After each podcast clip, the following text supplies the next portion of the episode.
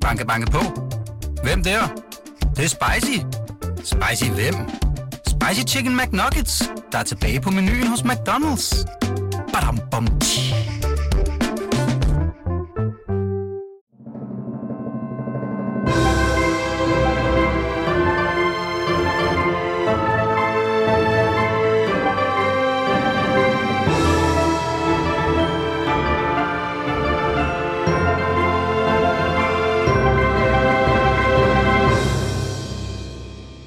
Velkommen til Kongehuset bag kulissen, Danmarks eneste royale podcast, der hver uge dækker kongehuset kærligt og kritisk.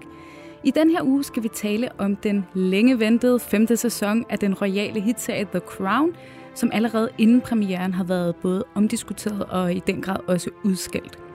Spørgsmålet er jo meget, om serien egentlig er god historisk underholdning, eller den går over grænsen. Og hvad kan man tillade sig, når det blot er få måneder siden dronning Elisabeth døde? Det og meget mere The Crown-nørderi skal vi igennem i dagens udsendelse, hvor vi også senere skal se på mulighederne for en dansk udgave af The Crown.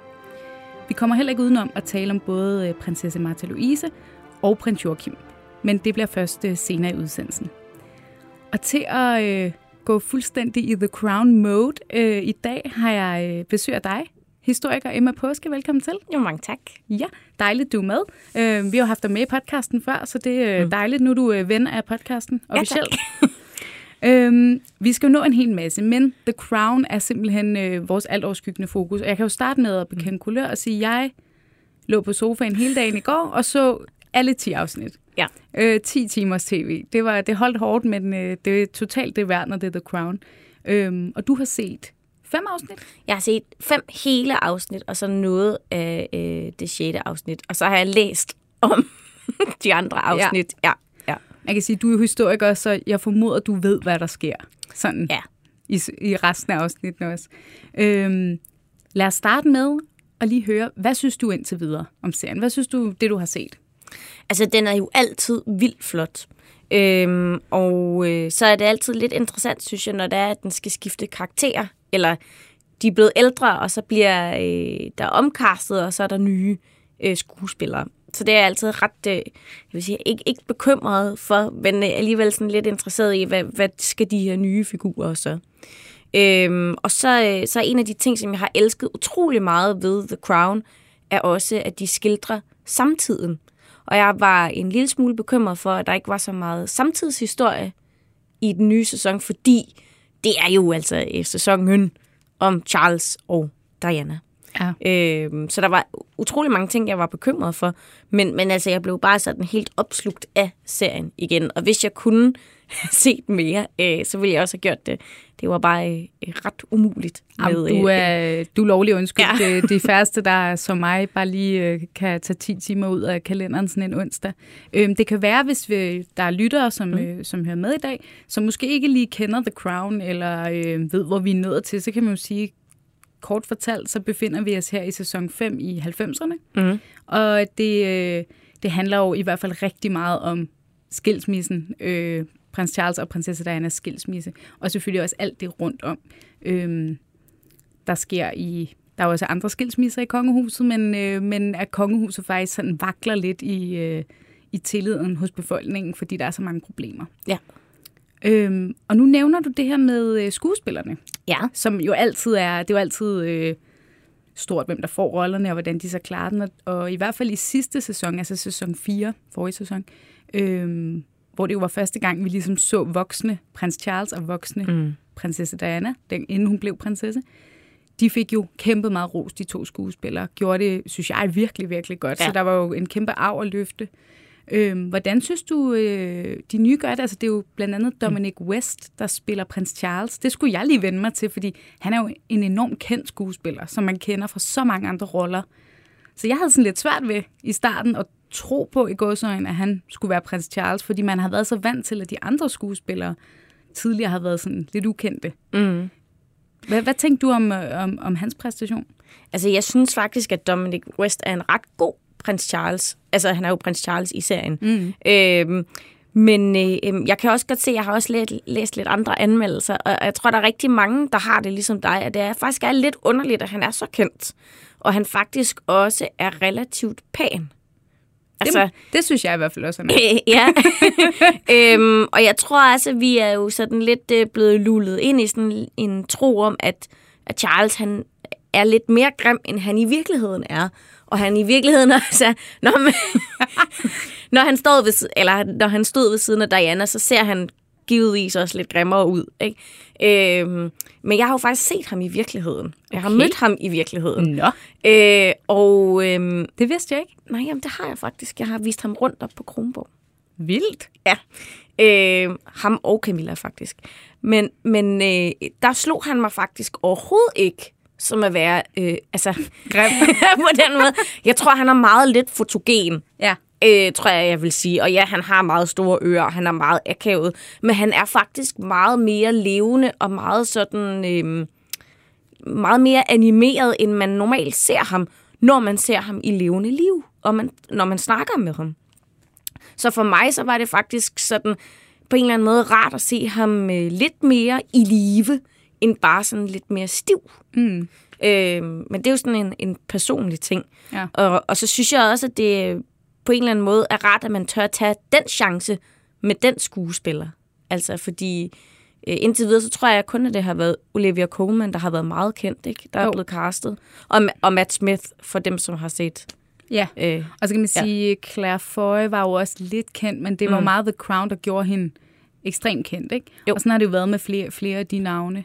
Øhm, og altså, noget jeg i hvert fald også bed mærke i, jeg synes jo også, Dominic West spiller rollen helt ja. vildt godt, og man skal bare lige over det i starten, øh, at, det er, at, det, at det er ham. Øh, men jeg har set, at han selv har udtalt i det interview, mm. at øh, der, hvor han synes, han lignede prins Charles mest, det var, når han blev filmet bagfra, fordi hans hår, det var stylet perfekt. Så ja. der lignede han prins Charles, så han har selv haft nogle kvaler med det der med udseendet, øh, kunne jeg læse mig til. Øh, men, øh, vi kan jo, vi kan jo af god grund ikke her gå ind i, hvad der sker i hver enkelt afsnit, mm. men ja, som sagt, så strækker den sig ligesom øh, over de her år i 90'erne, hvor vi, øh, hvor vi egentlig ser, at prinsesse Diana og prins Charles, de bor hver for sig, mm. øh, men stadig er gift, og de øh, leger performer-ægteskab. Øh, prins Charles, han øh, omgås meget med Camilla, men de smiler til kameraerne en gang imellem, og de tager på en second honeymoon, mm. for også at bilde folk ind, at det stadig går godt. Og ja. sideløbende med det her, så følger man egentlig også, hvordan de andre medlemmer af den britiske royale familie har problemer. Mm. Øh, dronning Elizabeth og prins Philip har det ikke så nemt. Øh, prinsesse Anne bliver, står også til at blive skilt, det samme med prins Andrew. Der er alle de her sådan familiære problemer, øh, samtidig med, at, at vi kommer ind i 90'erne, og der bliver stillet nogle andre krav til monarkiet osv. Men noget, jeg synes er interessant også i den, det er jo ikke nogen hemmelighed, øh, som du siger, Emma. Anmeldelserne har været meget delte. Ja. Altså normalt, så synes jeg, man, man ser, at The Crown har, er bare blevet rost alle steder. Ikke? Altså, jo. skide god, skide flot, alt det der, hvor nu, er det, nu kan man virkelig mærke, at nutiden spiller ind på en eller anden måde. Ikke? Fordi mm. dronning Elisabeth lige er død. Og prins Philip er jo også død øh, ja, siden. Øh, seneste sæson.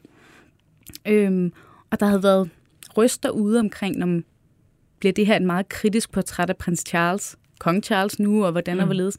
Men jeg synes faktisk, den fremstiller prins Charles i et ret positivt lys. Altså, jeg ved godt, at der er, øh, at det kommer ind på øjnene, der ser, men, men jeg synes faktisk, at han får sådan rimelig meget øh, rygstød i den her serie, og at man netop vil vise nogle andre sider af ham. Og der er også et af afsnittene, som jeg blev mærke i, hvor øh, det slutter med, at man ser prins Charles være ude blandt en gruppe unge, mm-hmm og så danser de noget hiphop, og, øh, og så bliver det ligesom etableret, at han har lavet sådan en fond, der skal hjælpe unge. Øh, det klip findes faktisk i virkeligheden. Ja. Øh, men, men så er der en lang sådan outro-tekst om, hvor mange unge han har hjulpet, og hvor, hvor mm. god han er og sådan noget. Altså, øh, er det ja. ikke lidt et anderledes portræt af prins Charles, det her, end vi normalt ser? Jo, og, og faktisk er det, jo, det er jo et virkelig interessant spørgsmål, ikke? fordi jeg så forleden, apropos øh, det her med, hvordan pressen hidtil i hvert fald har portrætteret øh, Charles, og især over for Diana, at man øh, havde gravet nogle billeder frem. Kan du huske det der med, hvor at, øh, Diana hun er ude at løbe øh, til sådan en skoledag øh, for, for William og Harry, og, og så er hun blevet rost for, at hun har været ude at løbe, øh, selvom hun er kongelig og sådan noget. Der findes faktisk også billeder af Charles, som også er ude at løbe i det samme løb. Det er bare ikke blevet set før nu. Det vil altså sige, at Charles han har gjort nøjagtigt det samme som Diana. Han har nemlig også brudt, brudt protokollen og, øh, og været sådan lidt mere folkelig. Der er bare ikke nogen, der har givet at snakke om det. Nej. Fordi hun har ligesom taget alt shine Ja. over ham, ikke? Og man begynder måske et eller andet sted godt at kunne forstå, hvorfor det er, han er så bitter, også i serien. Det er faktisk ret godt portrætteret, at han er bitter over, at han ikke også får noget af det der shine. Fordi han gør vidderligt det samme. Ja. Altså, det, og det er jo vildt interessant. Og derfor synes jeg faktisk, det er ret øh, rart og øh, øh, ja, på en eller anden måde tilfredsstillende at se, at han også bliver fremstillet på den anden måde. Øh, jeg synes også, det er rart at se ham være ude og grave i haven. Fordi han har jo altid interesseret sig for miljøet, ikke? Altså, øh, og endda blevet beskyldt for at være virkelig sær, fordi han har interesseret sig så meget for miljøet. Der er et gammelt, gammelt interview fra 80'erne, hvor han snakker om, at han rent faktisk taler til sine planter. Og han spiller noget Okay. specifik musik for sine planter, ikke også? Fordi han gerne vil det bedste. Han har omlagt landbruget forskellige steder, øh, for at det skal være mest øh, øh, bæredygtigt, og biodiversiteten skal være allerbedst og sådan noget. Og det får man altså også lige sådan... Og det er måske nogle tanker, som i 80'erne og 90'erne, så har det været lidt weird, men Ja. ja. i, i dag kan du jo ikke blive meget mere moderne, Nej. end øh, hvis du som øh, kongelig øh, har de her holdninger. Man kan sige, at vores eget kronprinspar er jo gået den vej, mm. øh, men han har faktisk været der i lang tid. Han har altid været Ja. der. Ja. Og interessant synes jeg jo også, det er ligesom prins Charles bliver fremstillet måske mere positivt, end man mm. egentlig har set ham, synes jeg. Øh, måske med undtagelse af et par samtaler, vi skal ind på, han har med nogle politikere. Eller, øh, så synes jeg også, at prinsesse Diana bliver fremstillet øh, noget mindre rosenrødt, end mm. man også øh, så hende i forrige sæson, altså hvor, hvor hun, det var den her unge, sprudlende pige, der bare var forelsket i Charles, og han var ikke så forelsket i hende, og man, der havde man meget sympati med Diana ikke? Mm. I, øh, i sæson 4, og det er jo også det, man har haft i, i, øh, i offentligheden øh, gennem årtier. Men hun bliver fremstillet noget mere nøgternt. Øh, ja. Det er også noget, jeg har set flere anmeldere faktisk har rost. Øh, altså også, øh, nu har jeg faktisk ikke glemt skues, skuespillerens navn, der spiller øh, Diana, men hun gør det virkelig, virkelig godt. Ja. Men det der med, at hun, man er jo heller ikke fuldstændig på Dianas hold gennem hele den her sæson, synes jeg. Nej, jeg tror, Øh. hun hedder Elisabeth Debicki, tror Ja, jeg. det gør hun. Det gør hun. Tak for det. Øhm, altså, øh, hvad tænker du om fremstillingen af hende i serien?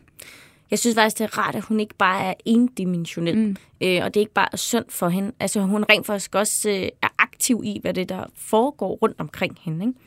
Øh, ja, altså, altså, det er jo også ret tydeligt, at hun har jo haft en eller anden...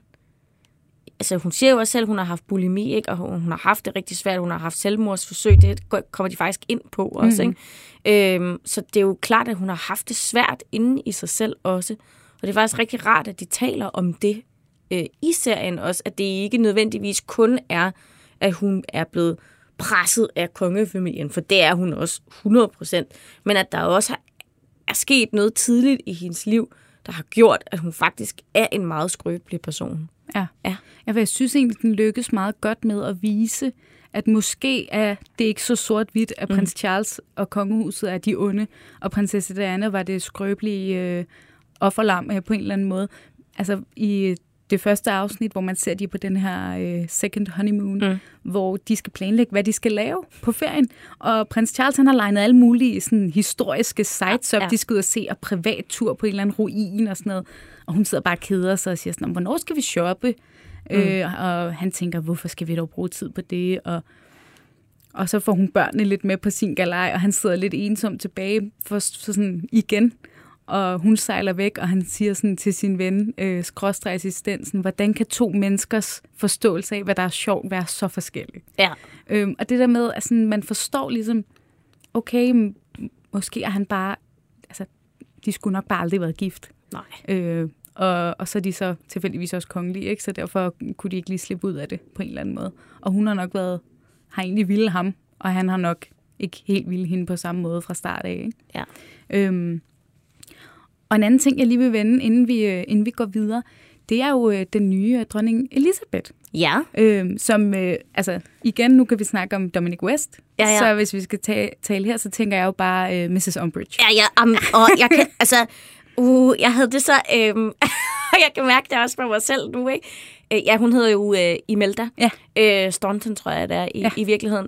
Og øh, hun er jo... Øh, Hun hedder bare Mrs. Umbridge ja, øh, eller hoved. øh, Dolores Ja. øh, øh, Umbridge. Ja. Og øh, der er et af afsnittene, måske det er afsnit 4, hvor hun lige pludselig står i en lyserød trøje. Og så det eneste, jeg kan se, ikke, det er, Det er hende. Ja. det er hende. Ja. Øh, og det er på en eller anden måde bare sindssygt skræmmende, når man har set så meget Harry Potter, som jeg har. som du også har, gætter jeg på. Ikke?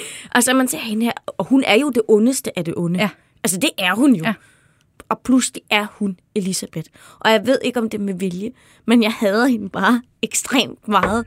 Bare ved at se, øh, altså øh, nu er jeg også ved at vælte vandet, fordi jeg bliver sådan helt... Det var fuldstændig ejerskab over det hele. øh, bliver sådan helt, åh, jeg bliver faktisk bange for mm. hende. Altså det sidder så dybt i mig. Jamen, og jeg synes jo også, øhm, jeg tror ikke, jeg, jeg er nok ikke helt lige så stor Harry Potter-fan som dig, fordi min, min vrede var ikke sådan helt lige så overvældende, Ah, okay. synes jeg. Men, men jeg tænkte mig over i, i hele serien, at, at jeg synes, dronning Elizabeth har noget meget mere køligt over sig Ja. i den her sæson, end hun har haft tidligere. Mm. Øh, Olivia Colman, som jo har spillet hende de forgangne sæsoner som sådan øh, middle-aged dronning Elizabeth, øh, havde jo havde virkelig sådan en lune til sig også. Ja. Øhm, og der synes jeg nemlig, hun, hun er meget kold, og det, det er hun jo nok også blevet med årene. Mere Ja, ja, ja. kynisk, mere øh, sådan, det er sådan her, vi gør det. Bum, færdig.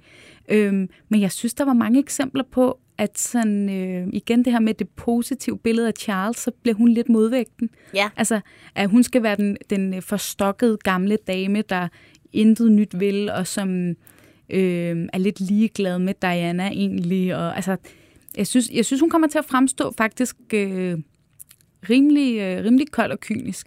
Ja, bortset fra et punkt, hvor der hvor hun har en samtale med sin mor, Ja, hvor moren blander sig i den tale, hun skal holde til hendes 40-års regeringsjubilæum, hvor hun næsten bryder sammen ja det er af at rigtigt. få skæld ud af sin egen mor. Ja.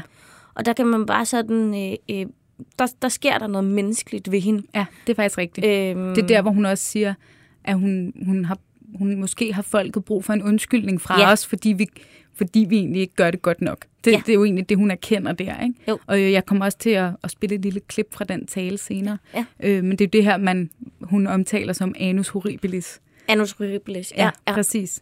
Øhm, øhm, og der kommer også et par andre steder mm. i sæsonen, hvor, man, altså, hvor hun bliver rørt. Det er jo ikke, fordi hun er endimensionel. Jeg synes også, hun spiller dronning Elizabeth-karakteren rigtig godt. Men jeg synes, der, der er sådan... Der er ligesom et, et andet filter på hende. Ja. Og, øh, og, øh, og det bliver meget det her, vil man det moderne, eller vil man det blivende? Ja. Øhm, og, øh, og måske det er bare kontrasten til Olivia Colman, og at, at der står så skarpt, men, men jeg synes i hvert fald, at der er blevet noget mere køligt på Buckingham Palace i sæson 5, ikke? Jo, og det er, også, altså, det er jo også 90'ernes Elisabeth, jeg er vokset op med. Ja. Og, og det, man så hende jo aldrig smile. Nej. Så på den måde giver det rigtig meget mening. Det var først, da hun blev virkelig gammel, at hun begyndte at smile igen. Ja. Ikke? Altså, øh, så, så der er klart et eller andet, der sker der i 90'erne. Og man kan jo godt forstå det, fordi alting går jo galt. Ja. Altså, deres hus går jo, går jo også op i brand. Ja. Ikke? Men det er meget sjovt, hvordan den her genskrivning gennem fiktionen af det, der egentlig skete, måske minder os om, at nu har vi jo været i nogle år, hvor dronning Elisabeth er blevet hyldet. Hun har haft Mhm. øh, øh, øh, 70-års øh, jubilæum, og hendes død, øh, landet har været i sorg. Øh, der har været enormt meget fokus på, øh, på gennem mange år, at prins Charles var upopulær, og, og så hele prins Harry og Meghan. Det er som om, at man lige bliver mindet om, hov, der var faktisk også en gang, hvor at dronning Elisabeth øh, ikke var så folkelig, og det mm. hele ikke var søde billeder med hunden og heste, og den søde lille gamle dame, men at hun faktisk var en rimelig bestemt, utilnærmelig monark på en eller anden måde. Ja, ja. ja. Nå, ved du hvad, Emma? Øhm, nu skal vi simpelthen videre til at tale lidt om øh, den her øh, voldsomme kritik, serien allerede mødt, inden den Ja. fik premiere. Øh, men inden så tager vi lige en skiller.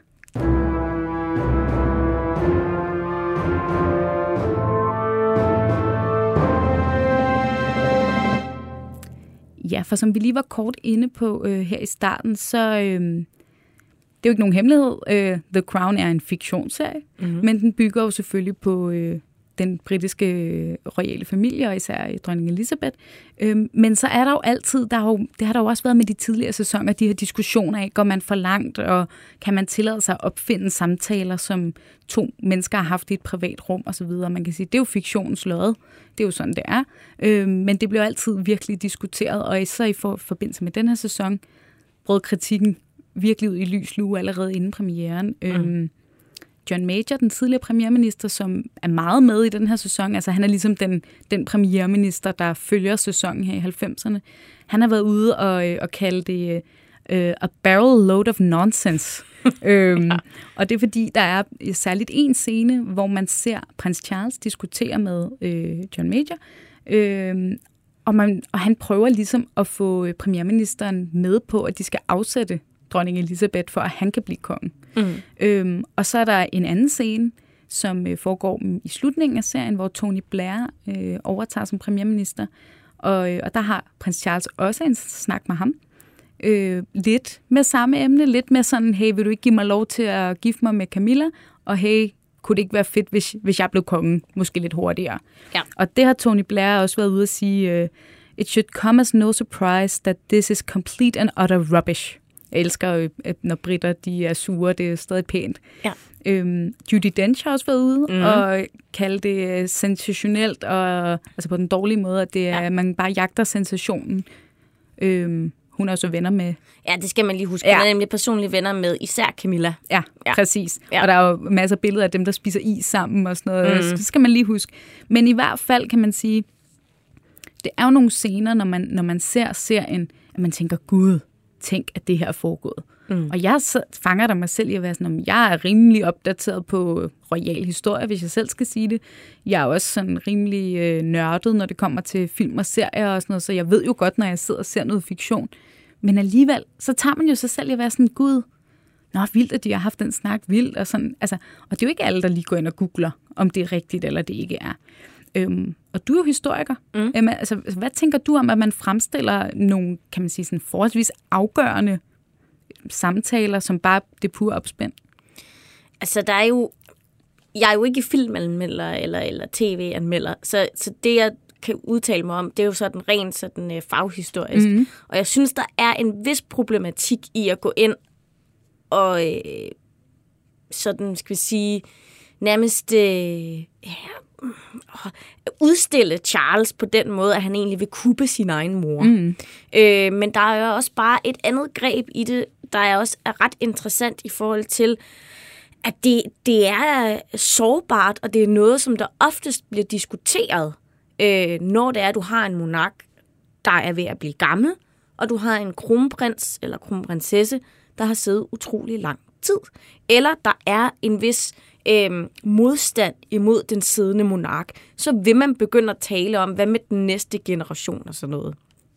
Øh, så derfor så er det jo et spændende emne, men der er også en vis problematik i at gå ind og antyde, at snakken har været der. Mm. Ja. Ved man noget om sådan i forhold til, det er, jo ikke, det er jo ikke første gang, at man har lavet fiktion over øh, virkelige hændelser. Mm-mm. Øh, ved man noget om, sådan, hvor, hvor stor en magt den slags fiktion har? Altså påvirker det den måde, vi husker historien på, at vi nu ser The Crown, og så ser vi det, og så vil der være nogen, der faktisk tror, det er virkelighed. Altså ved man ja. noget om, om det?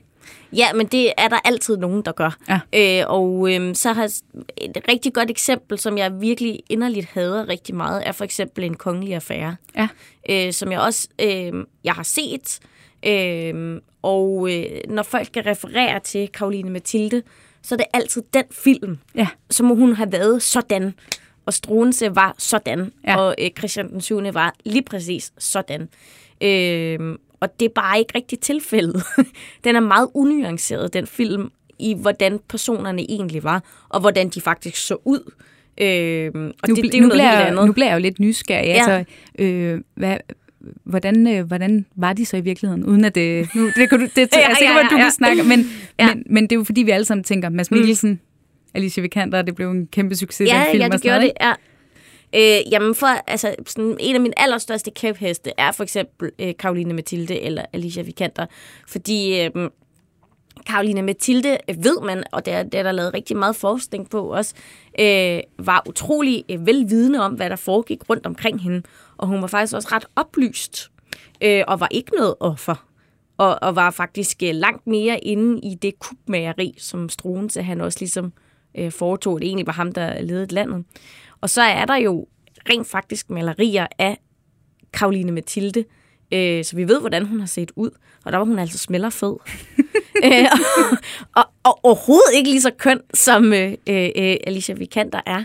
Og der, skal vi, filmen. der laver vi lige, der skal vi huske ja. Ja. at sige, at uanset hvad man var, Ja, ja, ja, ja. så kan, er man ja. Ja. jo smuk, øh, Ja. som man er. Men hun så meget anderledes ud i virkeligheden. Ja, det gjorde hun. Ja. Og det kan man sige, den, den, Ja. den finte kan man jo ikke lave på samme måde, tænker jeg, med The Crown, fordi der Nej. vil være, for, hvis man, lad os sige, man øh, castede en, øh, en mørkhåret, øh, lav, buttet pige til at spille prinsesse Diana, Nej, det ville være underligt. det vil jo ikke gå. Nej. Altså, eller en lyshåret øh, til at spille prins Charles. Altså, der bliver man nødt til at forholde sig, holde sig til det. Ja, men, og, men, og det er jo lidt det samme, jeg har med den film, for eksempel. Ja. Eller øh, en anden, et andet godt eksempel var for den, den der serie, der var på et tidspunkt om The Tudors, nemlig nogen, der var før, Ja. altså i 1500-tallet med Henrik den 8.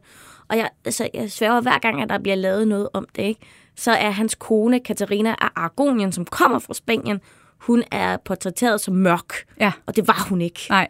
Og, det, og det, jeg kan mærke det hver gang, så bliver jeg skide irriteret over det. Ikke? Jo. Altså, øh, fordi hvis man er fra Spanien, så er man nødvendigvis bare mørk. Ja. Og det er man jo ikke nødvendigvis bare. Og man kan sige, hvis man skal lave de der, så skal man, skal man sikkert som filmskaber ligge sig, eller serieskaber ligge sig et sted, hvor man føler sig overbevist om, at majoriteten nok ikke helt ved, hvad der er sandhed Ja. om. Jeg tænker, der er mange, der ikke ved, mig selv inklusiv, hvordan mm. Karoline Mathilde så ud. Ja. Men der er rigtig mange, der ved, hvordan de britiske øh, kongelige ser ud. Ikke? Ja, altså det kan de ikke rigtig sådan på den måde ja. lave noget fiksfakseri ved. Nej. Men de kan jo så lave noget med, med samtalerne, Ja. som kan være lidt anderledes. Ikke? Ja.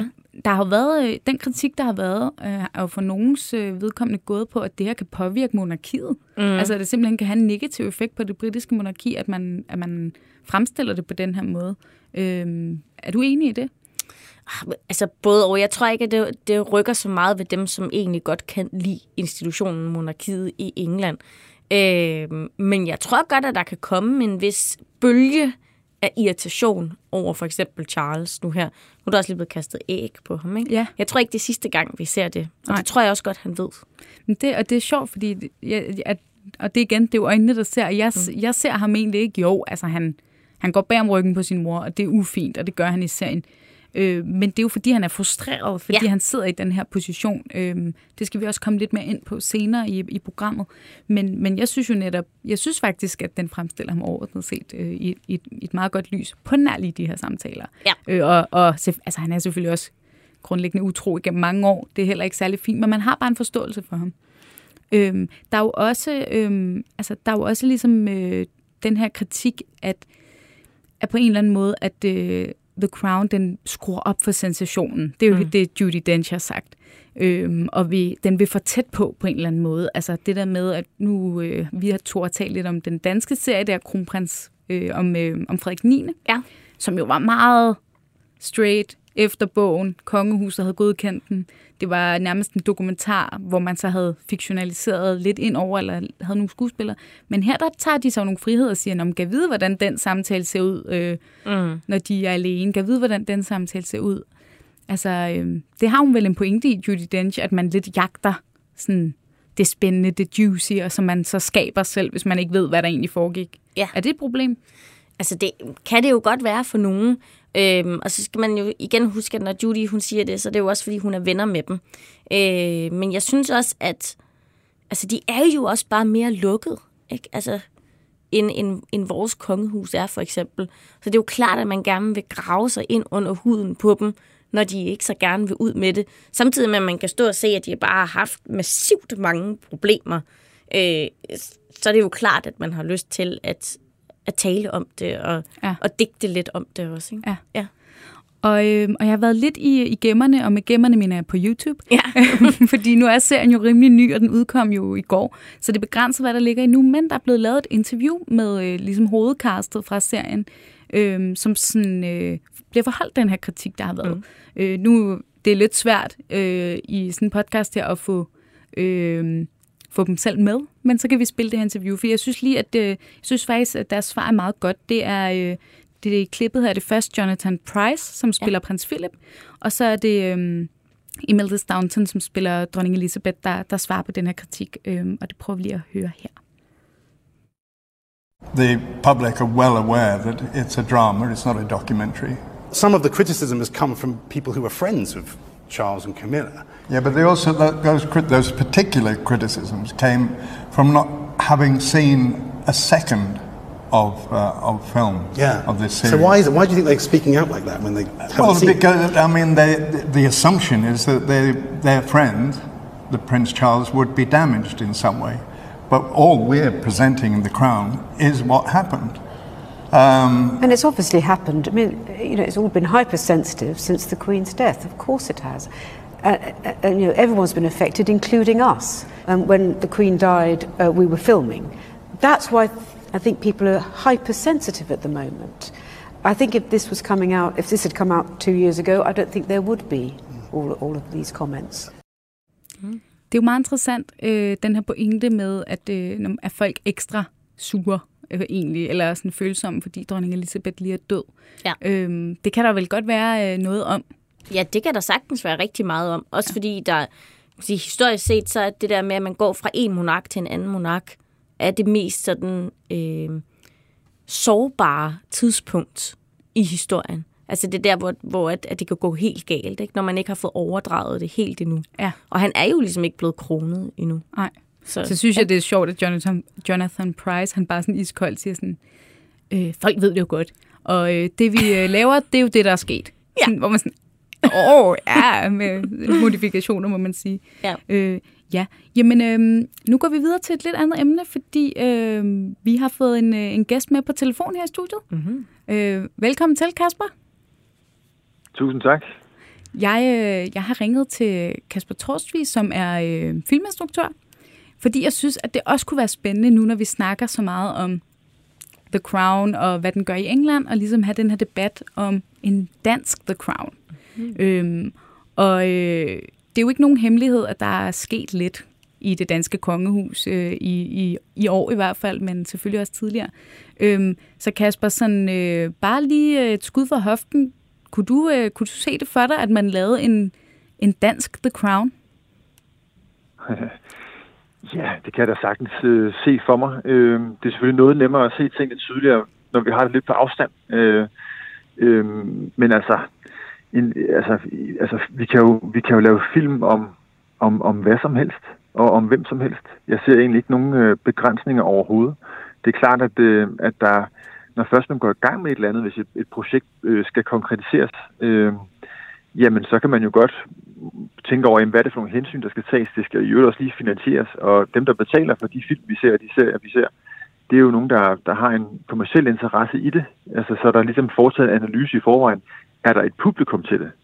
Det, det, det, det er det første, der sker i, øh, i, i sådan en proces.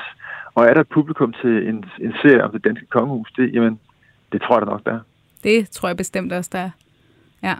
Jeg vil egentlig også tænke, øh, og det ved du mere øh, om, end jeg gør, Kasper, tror jeg, men man kunne godt have sådan en tanke, om der vil være for meget berøringsangst i forhold til det danske kongehus. Altså nu kan vi jo se, hvor, hvordan kritikken vælter ned over The Crown. Øh, der er jo også mange, der elsker den. Den bliver set øh, millioner på verdensplan. Men, men tror du, der vil være sådan en berøringsangst i, i miljøet? Man, man kan jo godt lide at blive inviteret til kulturbal øh, hos dronningen og så videre. Så tror du, der er nogen, der vil tør sådan gå ordentligt til den?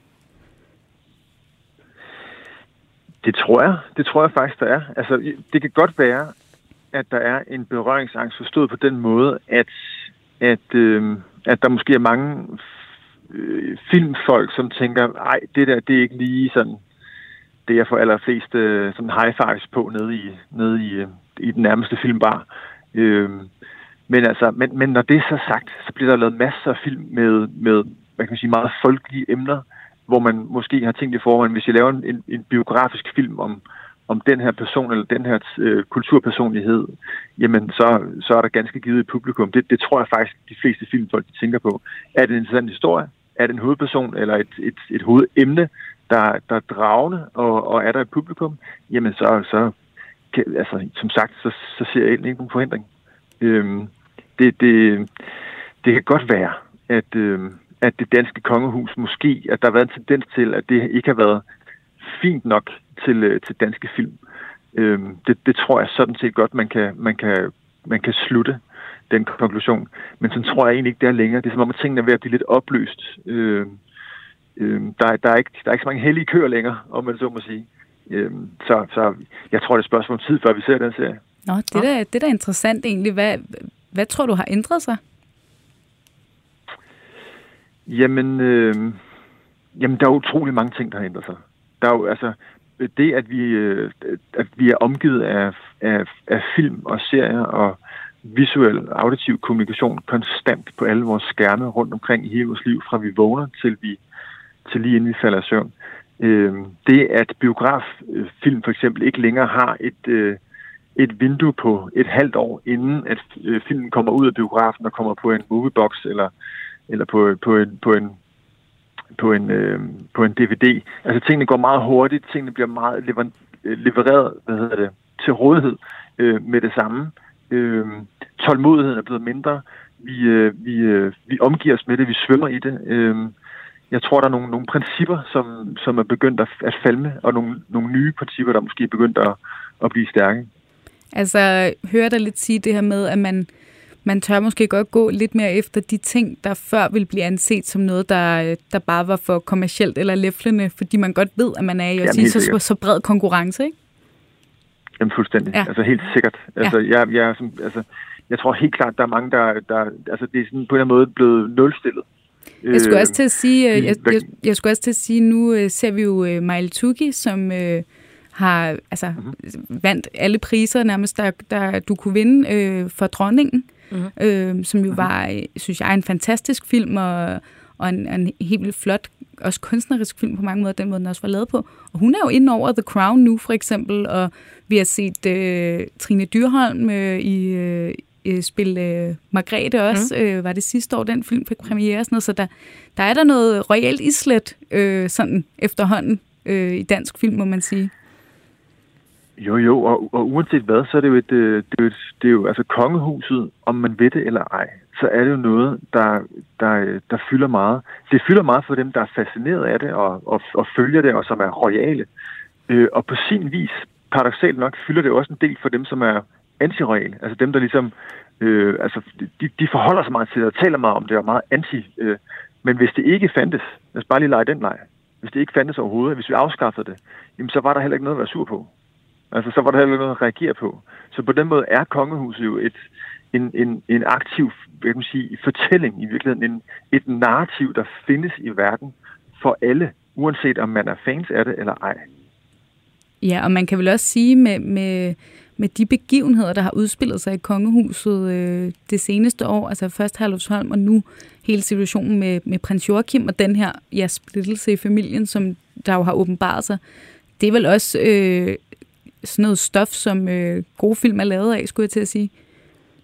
Og serier. Jamen altså, der, der mangler ikke materiale, om man så må sige. Øh, øh, det er der, der ingen tvivl om. Men jeg vil nu alligevel skynde mig at sige, at altså, det, er jo, det er jo kun i gåsøjne de, de store buer, altså rent dramatisk set, øh, det vi kan læse os til. Øh, det som, det som øh, filmskaber måske i lige så høj grad, måske endda mere er tændt af, det er, jo, det er jo det, vi ikke kan læse os til mm. i den mm. tabloide presse. Øh, og det er jo, jamen, det kan godt være, at, at der er en splittelse, som ser sådan og sådan ud i kongehuset lige nu, men hvad der sker sådan helt inde i de royale gemakker, og måske endda helt inde i hovederne på, på hovedpersonerne, det kan vi jo kun gisne om. Og det er jo den menneskelige historie. Ja. Så vi har ligesom den, den ydre og den indre historie.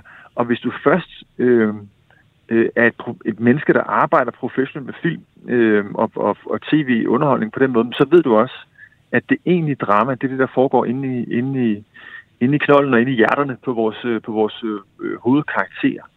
Og det står jo ikke nogen steder sort og hvidt, øh, hvad, hvad det er. Så på den måde tror jeg egentlig godt, man kunne kaste sig over en, en, en biografisk nutidig fortælling om det danske kongehus øh, med, med de hoveddramaer, vi kender sådan i folkelig forstand, men så vil der være en stor del af det, som, som, som jo ville øh, stå på et fundament af, af fantasi i virkeligheden fra ja. filmskabernes side. Ligesom The Crown jo også gør, mm. øh, må man sige. Øhm, Præcis. Præcis. Men, men tror du så, Kasper, øh, hvis vi, altså, så leger vi med tanken om, at, at det projekt kunne man godt se ske, men hvor lang tid tror du så, der skal gå? Altså fordi øh, man kunne vel ikke forestille sig, at den blev lavet, der blev lavet noget nu og her på, på øh, den danske royale familie lige nu? Eller, eller skal, der, skal der gå 10 år? Skal der gå 5 år? Hvad, hvad tænker man her? Nu tænker at vi har haft en film om øh, Flemming Bamse Jørgensen her for nylig. Vi havde også en om John Mogensen for et oh, ja. par år siden. Ikke? Altså der har man ligesom, der, de er døde, der er gået nogle år. Mm. Øh, John Mogensen mange år med, med Flemming Bamse Jørgensen lidt færre år. Men er der en eller anden øh, øh, gylden øh, regel for, hvor lang tid skal man vente, før man beskriver, hvad der har foregået inde i hovedet på, på mennesker? Altså, der er jo en, der er jo en gylden regel lige indtil der bliver opfundet en ny et eller andet sted. Og jeg tror, at den, den, den modnings, øh, øh, modningsproces, hvis man kan kalde det, som, som vi alle sammen skal igennem, inden vi, kan, inden vi overgår at forholde os til det, det, det, det ser man jo også i forhold til, til, til altså store begivenheder eller store, store øh, traumer øh, i verden. Øh, det kunne være, det kunne være øh, dansk deltagelse i, øh, i krigen i Afghanistan. Altså, det, det er noget med at lige få det lidt på afstand, inden vi, inden vi egentlig kan forholde os til det og, og, og se perspektivet på det på en eller anden måde.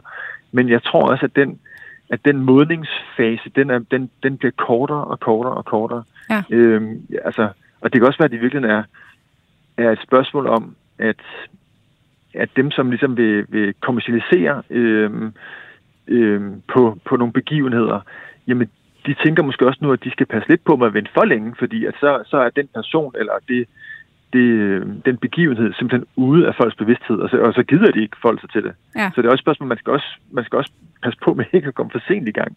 Ja, god pointe.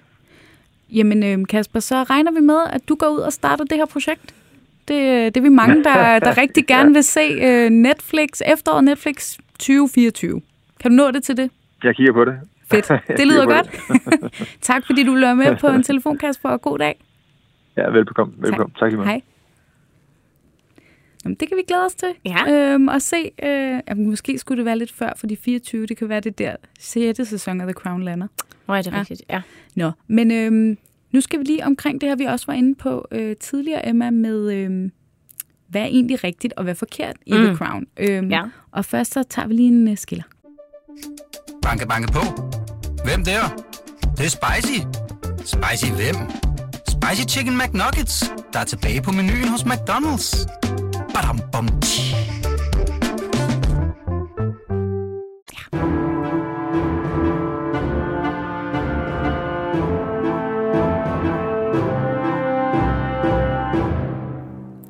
Jeg kan en eller anden grund godt lide at sige, at jeg sætter en skiller på det. jeg, jeg, bliver, jeg gør det hver gang, jeg ved ikke hvorfor. Jamen, det må jeg øve mig at være med, det er, det er måske lidt mærkeligt. Nå. Men øhm, vi var jo inde på det her med, at der er mange forskellige scener, som folk også vil bemærke, når de ser serien derude, som faktisk øh, som er ret opsigtsvækkende, men mm. det er pure opspind.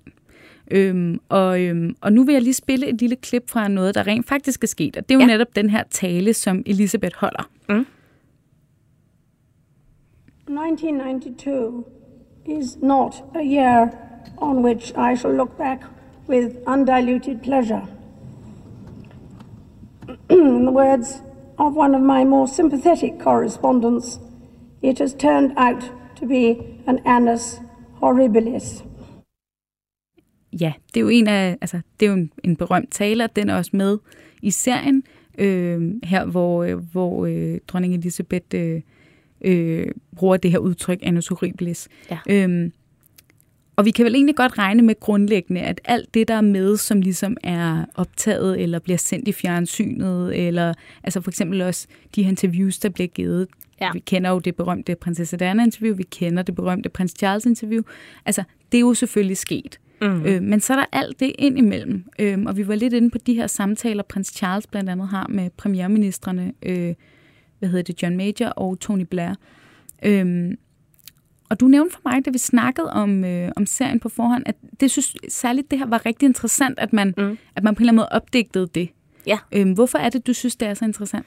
Jamen, det er interessant, fordi at man sådan, altså historisk set, så har man et problem med en kronprins, der sidder for længe, og ikke ved, hvad han skal tage sig til. Øh, og der, det har vi bare set mange eksempler på, faktisk også her i Danmark, øh, med, med Frederik den 8., som sidder vanvittigt længe øh, som kronprins, og begynder mere og mere at blande sig i politik. Det gør Charles også. Øh, og øh, bliver mere og mere frosset ude af øh, sin egen far. Altså det gør Frederik den 8. Og på samme måde, så bliver Charles jo faktisk også frosset ude af sin egen familie, fordi de faktisk ikke kan rumme hans nye idéer. Mm. Øhm, så det, det er interessant på den måde. Og øh, hvis vi skal gå endnu længere tilbage, så kan man sige, at hvis der har været en modstand mod den siddende monark, så har den næste i linjen som regel mm, ageret på det på en eller anden måde. Øh, nogle gange, hvis vi skal gå meget langt tilbage til middelalderen, øh, eller tidligere, måske i vikingetiden i Danmark, så har man bare forsøgt at slå den anden ihjel, øh, så at sige. Eller man har i hvert fald prøvet at få, få vedkommende fjernet, øh, og sørget for, at man selv kom til. Så det er, øh, det er en skrøbelig situation, når man har en, der går længe, venter på at komme til, øh, men også kan se, at det faktisk ikke fungerer, det der allerede er. Mm. Ja. Jeg elsker, når du drager de her paralleller, hvor vi går meget langt tilbage i historien. Ligegyldigt, hvad vi taler om med kongehuset. Der var løsningen jo bare, slå hinanden ihjel. Ja, ja. altså, get over.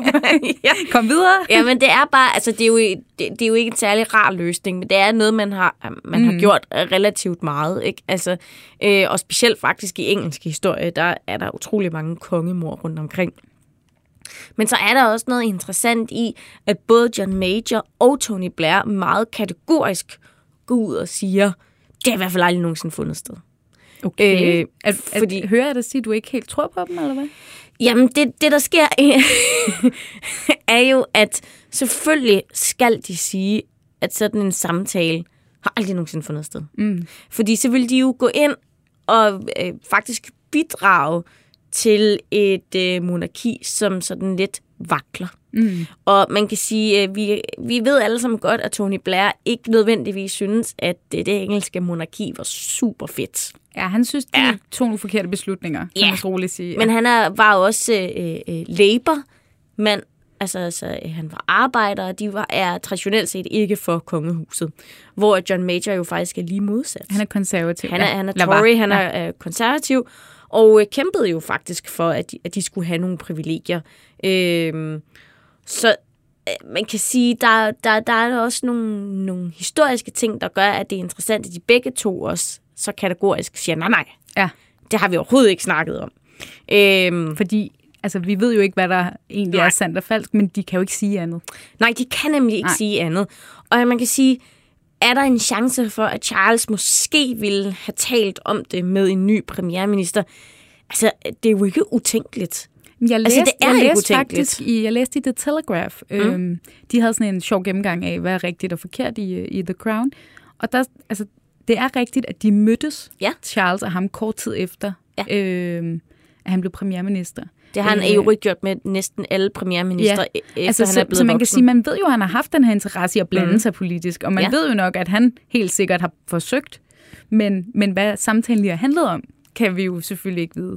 Nej. Øhm, og, øhm, og udover det, altså, du sagde også, da vi snakkede, øh, da vi snakkede sammen, det her med, at sådan, det blev også et problem for det britiske kongehus, at de står, man står i en økonomisk krise i England. Ja. Ja. Øh, man skal ligesom retfærdiggøre, hvad, hvad bruger vi pengene på, hvad bruger vi kræfterne på og tiden på. Ja. Og det er jo meget det, Charles skubber på for. Mm-hmm. Øh, men han får egentlig bare lidt at vide, at han skal bare vente. Ikke? Jo. Øh, og samtidig så ser man, at dronning Elisabeth øh, beder øh, øh, regeringen om en øh, ny, øh, et nyt kongeskib til svimlende summer, ikke? fordi ja. det gamle er gået i stykker. Ja. Øhm. Og, det, og det er jo faktisk vildt interessant, at man kan sige, øh, Charles har altid været reformvillig, og, og vi begynder også at kunne se det allerede, ikke? blandt andet ved øh, kroningen, hvor der jo faktisk bliver skruet ned for gæsteantal, og øh, der bliver generelt skruet ned for mange ting, der koster mm-hmm. mange penge. Mm-hmm. Øh, og han er, er begyndt at kigge på, øh, hvem der skal sidde, øh, som kan regere i stedet for ham, hvis han ikke er til stede i landet og sådan noget hvor der også bliver skruet lidt ned for volumen, hvor mange kan sidde der i, og hvor mange penge skal der fordeles rundt til hvem, og skal man betale skat af noget, og så videre, og så videre. Det er faktisk noget, han har gået utrolig meget op i, i meget, meget lang tid. Så derfor er det ikke utænkeligt, at han gerne ville mere sådan reform. Nej når han sidder og taler med dem, og han har prøvet at påvirke dem på en eller anden måde. Og det er meget sjovt i The Crown her, den her nye sæson, hvordan det her øh, kongeskib Britannia ja. bliver sådan en lille bitte, for, altså et billede på øh, den her øh, forskel, der er ikke med dronning Elizabeth, der vil holde mm. fast i skibet, og prins Charles, der bare siger, jamen det er for gammelt, altså det har haft sin tid, men måske er det på tide, at vi gør noget andet, meget metaforisk, ikke? Jo. Øhm, Og, øh, og det slutter jo så, nu spoiler jeg lidt for dig. Ja, nej, men det, men jeg ved godt, at... det slutter som i, i det sidste afsnit, der, der kommer Tony Blair til. Vi slutter i 97, Ja. så altså lige inden vi, vi kommer nok i sæson 6 jo til at se prinsesse Dianas øh, død. Men Tony Blair siger så, det der kongeskib der, det skal vi ikke fortsætte med. Han, øh, han giver den ligesom dødstødet, øh, og bliver så lidt i tvivl, da han kommer ombord på det, men, men hvor prins Charles siger til ham, jeg synes, det er en super god beslutning, at vi, vi, øh, vi dropper det skib. Og øh, det er jo kun et par dage siden, at der kom en nyhed ud om, at øh, den nye britiske premierminister har øh, trukket stikket på en øh, ny royal superjagt, Ja. som øh, Boris Johnson havde lovet Ja. kongehuset til 1,7 milliarder. Øhm, og det er jo meget sjovt, fordi man sidder og tænker, ej, hvor er det vildt, ikke? Og de står midt i en økonomisk krise, hvordan kan de snakke om de her dyre skibe? Bum, spol frem til 2022. Altså præcis samme situation, ikke? Ja. Og vi har så stadig været der, hvor der har været altså, de her snakke. Øh, og en, altså, så det er, jo, det er jo også et, et sjovt billede på, at monarkiet snakker hele tiden om at ændre sig, men hvor meget ændrer det sig egentlig? Ikke? Ja, ja. Altså, Jamen, og der er jo utrolig mange ting, og det er jo faktisk en af de ting, jeg elsker virkelig meget ved The Crown. Det er jo de her sådan små nik til nutiden, samtidig med, Ja. at det faktisk er den daværende samtid. Ikke? Altså, jeg elsker simpelthen, hvordan første afsnit øh, åbner, med at hun er ude og åbne øh, sådan et øh, dairy-sted. Øh, og, og, og hun synes ikke, det er det mest Ja, spændende noget, i øh, verden. mælkeprodukter, Ja, ja. ja, ja. Og det eneste, jeg kunne bare sådan høre i baghovedet, øh, øh, det var... Øh, øh, da de begyndte hen i England lige inden Brexit at sige, jamen vi skal også spise meget mere af vores egen ost. Ja. Osten var alle var sådan lidt, hvad er det, I snakker om? Det giver Ja. ikke nogen mening. Det er ikke det, Brexit handler om. Men, men jeg er helt sikker på, at der ligger sådan nogle små, subtile øh, sådan, øh, easter eggs. Ja, helt sikkert. Og, og det der tror jeg var en af dem, Ja. ja. som var virkelig var genial, synes jeg. Ja. ja. ja, det er virkelig sjovt. ja. Der er, jeg, synes, jeg synes faktisk, jeg var, jeg var jeg må sige, øh, min, øh, min holdning til serien, den, øh, den, øh, den svingede lidt, som jeg kom ind i den. Jeg synes, den skulle lige i gang. Mm. Jeg synes, den var lidt træ i starten, men jeg må sige nu, at jeg har set det hele, og sådan, altså, den er god. Man skal glæde sig til at se den. ja. Synes du ikke også, det var interessant, at øh, Wallace også lige var med? Jo. Øh, Wallace Simpson og Edward der. Jo. Så den lige, Lige også kort. lige et lille nik ja. til nutiden. Ja. Ikke? ja. Og jeg synes jo også, jeg spidser også altid øjne og ører, når øh, prins Andrew er med. Ja, Fordi det er sådan hele den der, man kan, man, altså, Ej, man, han var virkelig sørgelig i den. man, kan, man kan vel sige, at skulle man have, det ved jeg ikke, det kan du bedre sige end mig, Emma, øhm, hvis man skulle kun tænke drama og tænke mm. historiefortælling og sådan noget, så ville man da måske have haft prins Andrew lidt mere med, fordi det er jo, nogle. Ja. det er jo også nogle rimelig kuriøse ting, der sker omkring ham Øh, ja. i de år. Ikke? Men, men jeg synes i hvert fald også i sæson 4, man godt kan fornemme, at han er altså, han er altså tonet meget ned Ja. på en eller anden måde. Ikke? Altså også det der med, hele det kendte med, at han... Der er en scene, hvor han giver dronning Elisabeth en fødselsdagsgave, som hun mm. bliver helt vildt glad for, sådan en øh, syngende fisk, de der, Ja. man kan hænge op på væggen. Øh, men ellers så er han meget lidt med, ikke? Jo. Det er der måske en grund til. Der er lidt omkring sådan med, øh, med Sarah, Ja. hans øh, kone, som jo virkelig hygger sig med alle Det mulige andre sige. mænd. Ikke? Og det er faktisk historisk korrekt. Det Ja. gjorde hun, og der findes også de her billeder, hvor hun er topløs i Saint-Tropez. Og det er netop det, jeg tænker, at ja. Hvis, man, hvis ikke der havde været alle de sager med ham, der havde været, øh, og han ligesom er persona non grata efterhånden, altså, så vil jeg da som øh, manuskriptforfatter have givet en lidt mere gas med ja. ham, fordi der er så meget altså, juice i det, ikke? Mm. på en eller anden måde. Vi kunne, jeg tror, vi kunne blive ved med at, at snakke om The Crown. Det kan være, at vi skal lave en, en ekstra udsendelse. Jeg er faktisk også vikar for Jakob næste uge, øh, så det kan være, at vi bare fortsætter snakken. Lige inden vi går, øh, vi, vi runder udsendelsen af mm. med noget helt andet. Jeg kan jo godt lide, at vi giver stjerner. Så øh, hvad vil du give The Crown indtil videre? Fem afsnit har du set? Ja, ud af hvor mange? Ud af seks. Måske sådan fire og en halv. Okay, det er højt. Ja, ja, ja, ja. det tror jeg faktisk. Ja. Øhm, men igen, det er altså også fordi, at de er virkelig gode til det med samtiden. Mm. Jeg synes også, det er rart at se hele baghistorien om øh, Al-Fayed-familien. Ja, det synes, jeg også var godt afsnit. Virkelig interessant. Øhm, og jeg har siddet og googlet mig virkelig bliver- meget frem til, hvad der er rigtigt og hvad, hvad der er Ja. forkert. Ja. Nu kan det jo blive lidt indforstået, men ja. Der er faktisk et helt afsnit, det er afsnit 3, Mm. der, hvor man får historien fortalt om den her øh, Fayette-familie. Ja. Øhm, og øh, Al-Fayed, som er far til Dodi Fayed, som jo går hen og bliver kærester med prinsesse Diana Ja. senere. Ja. Øhm, og der får man ligesom den families forhistorie, og hvordan ham her, Al-Fayed, øh, Dodis far, altså hans største drøm er bare at blive en del af, øh, altså komme så tæt på kongehuset som muligt. Han er virkelig sådan en Ja. ja. fanboy, ikke? Øhm, og det er, det er faktisk en super fin fortælling. Det er en virkelig god fortælling, Ja, synes det er jeg. godt ja. afsnit. Du siger 4,5. Mm. Øhm, jeg tror simpelthen, jeg lander på en øh, 5 ud af 6. Det er også meget godt. Jeg var meget, øh, jeg var meget begejstret. Og også bare, jeg elsker det der, hvor man bare kan blive ved med at snakke om det, fordi der ja. Er så meget fat i, og det kan The Crown jo virkelig. Men nu skal vi lige nå, inden vi runder ugens udsendelse af, lige kort at vende den gode Martha Louise. Øhm, jeg spiller lige et klip, fordi det her, det gik jo ud på sociale medier i tirsdags. Every time a person in the royal family gets engaged, it creates media storms. So also this time. From the last month's discussions in the media, my fiance, Dork Barrett, and I have, together with the King and Queen and the rest of the royal family, landed on some adjustments. I will step down from my official duties as patron for various organizations. Det ja. var det, og det der, det var det er noget lyd, vi har snuppet fra Instagram, fordi ja. Ja. det er jo kongehuset nu til dags. Øhm, hun er simpelthen ude nu, øh, efter lang tids øh, forhandling, fristes man jo til at sige. Ja. Og det er måske ikke så overraskende, Nej. men noget, jeg jo synes er overraskende, øh, som er sjovt, at de, der var lidt nogle stikpiller til det danske kongehus i, i den her mm. formidling. Ikke så meget fra det norske kongehus side selv, men nogle af de eksperter i Norge, der har udlagt til sagen, de siger sådan, ja, vores kongelige familie kan i det mindste finde ud af at snakke om det, eller de står der Ja. sammen, i modsætning til i Danmark. Øhm, hvad tænker du, at hendes øh, fremtid vil bringe? Og altså, engleviskeren øh, Märtha Louise har interesseret mig i lang tid. Hun er virkelig interessant, ikke? Og øh, shamanen der. Øh, jeg tror, det er rigtig godt, at de får sat sådan nogle, nogle øh, rigtig gode linjer op for, hvornår hun er prinsesse. For hun får jo lov til at beholde titlen. Ja. Øh, hun har jo ikke nogen apanage. Nej, og så må hun ikke bruge den øh, kommercielt. Nej, Ja. ja. og, og det har hun jo faktisk gjort.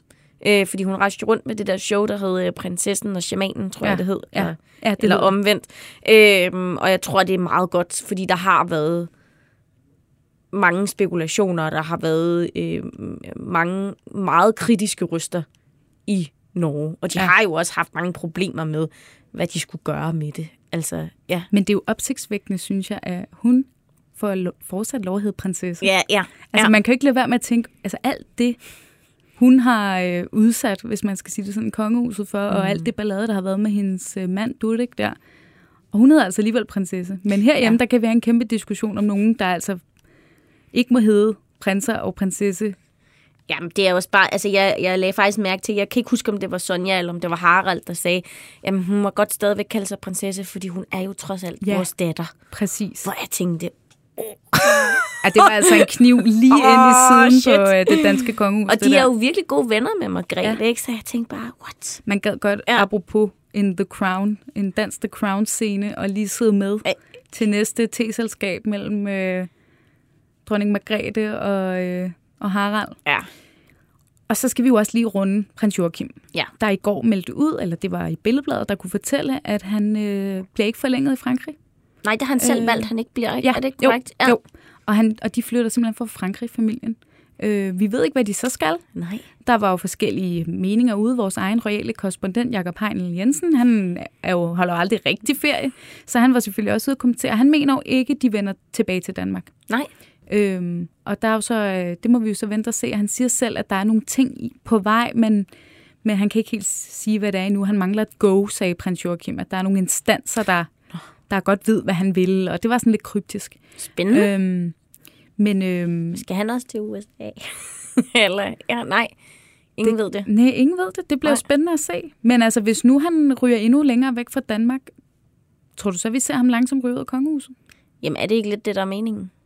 Jo, måske. Ja. Han, det er jo det, der er så interessant, ikke? At ham og Marie siger jo, at de, er stadig, de vil stadig være en aktiv del. Ja. af kongehuset. Ikke? Øhm, De kommer jo på lørdag. De kommer på lørdag. Ja. Øh, dronningen blev fejret på Rådhuset, Københavns Rådhus på lørdag. Ja. Øh, hendes regentjubilæum er blevet udskudt af mange, mange, mange omgange grundet corona, og nu er det så en sidste del af fejringen, man har rykket til på, øh, på lørdag. Der kommer prins Joachim og prinsesse ja. Maria. Det kommer vi selvfølgelig til at følge tæt her på BT. Øhm, uanset hvad, både hvad der sker med Martha Louise og hvad der sker med prins Joachim, så øh, lover jeg jer, at det er noget, øh, den her podcast og også BTDK nok skal, øh, skal holde fast i og berette om hver en øh, lille detalje. det blev en lang udsendelse i dag, Emma, men ja. øh, der var også meget at snakke om, og mm. vi kunne sikkert godt have taget en time mere. Det må vi gøre en anden god gang. Tusind tak, fordi du ville være med. Jamen selv tak. Øhm, Emma Påske, historiker og The Crown-fan.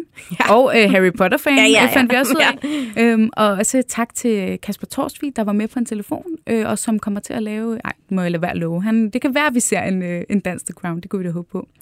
Øh, også mange tak til jer, der lyttede med derude.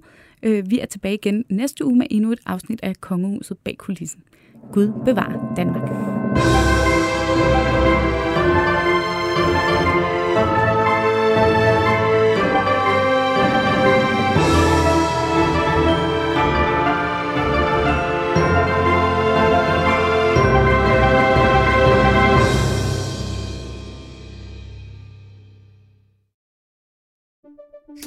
Banke, banke på.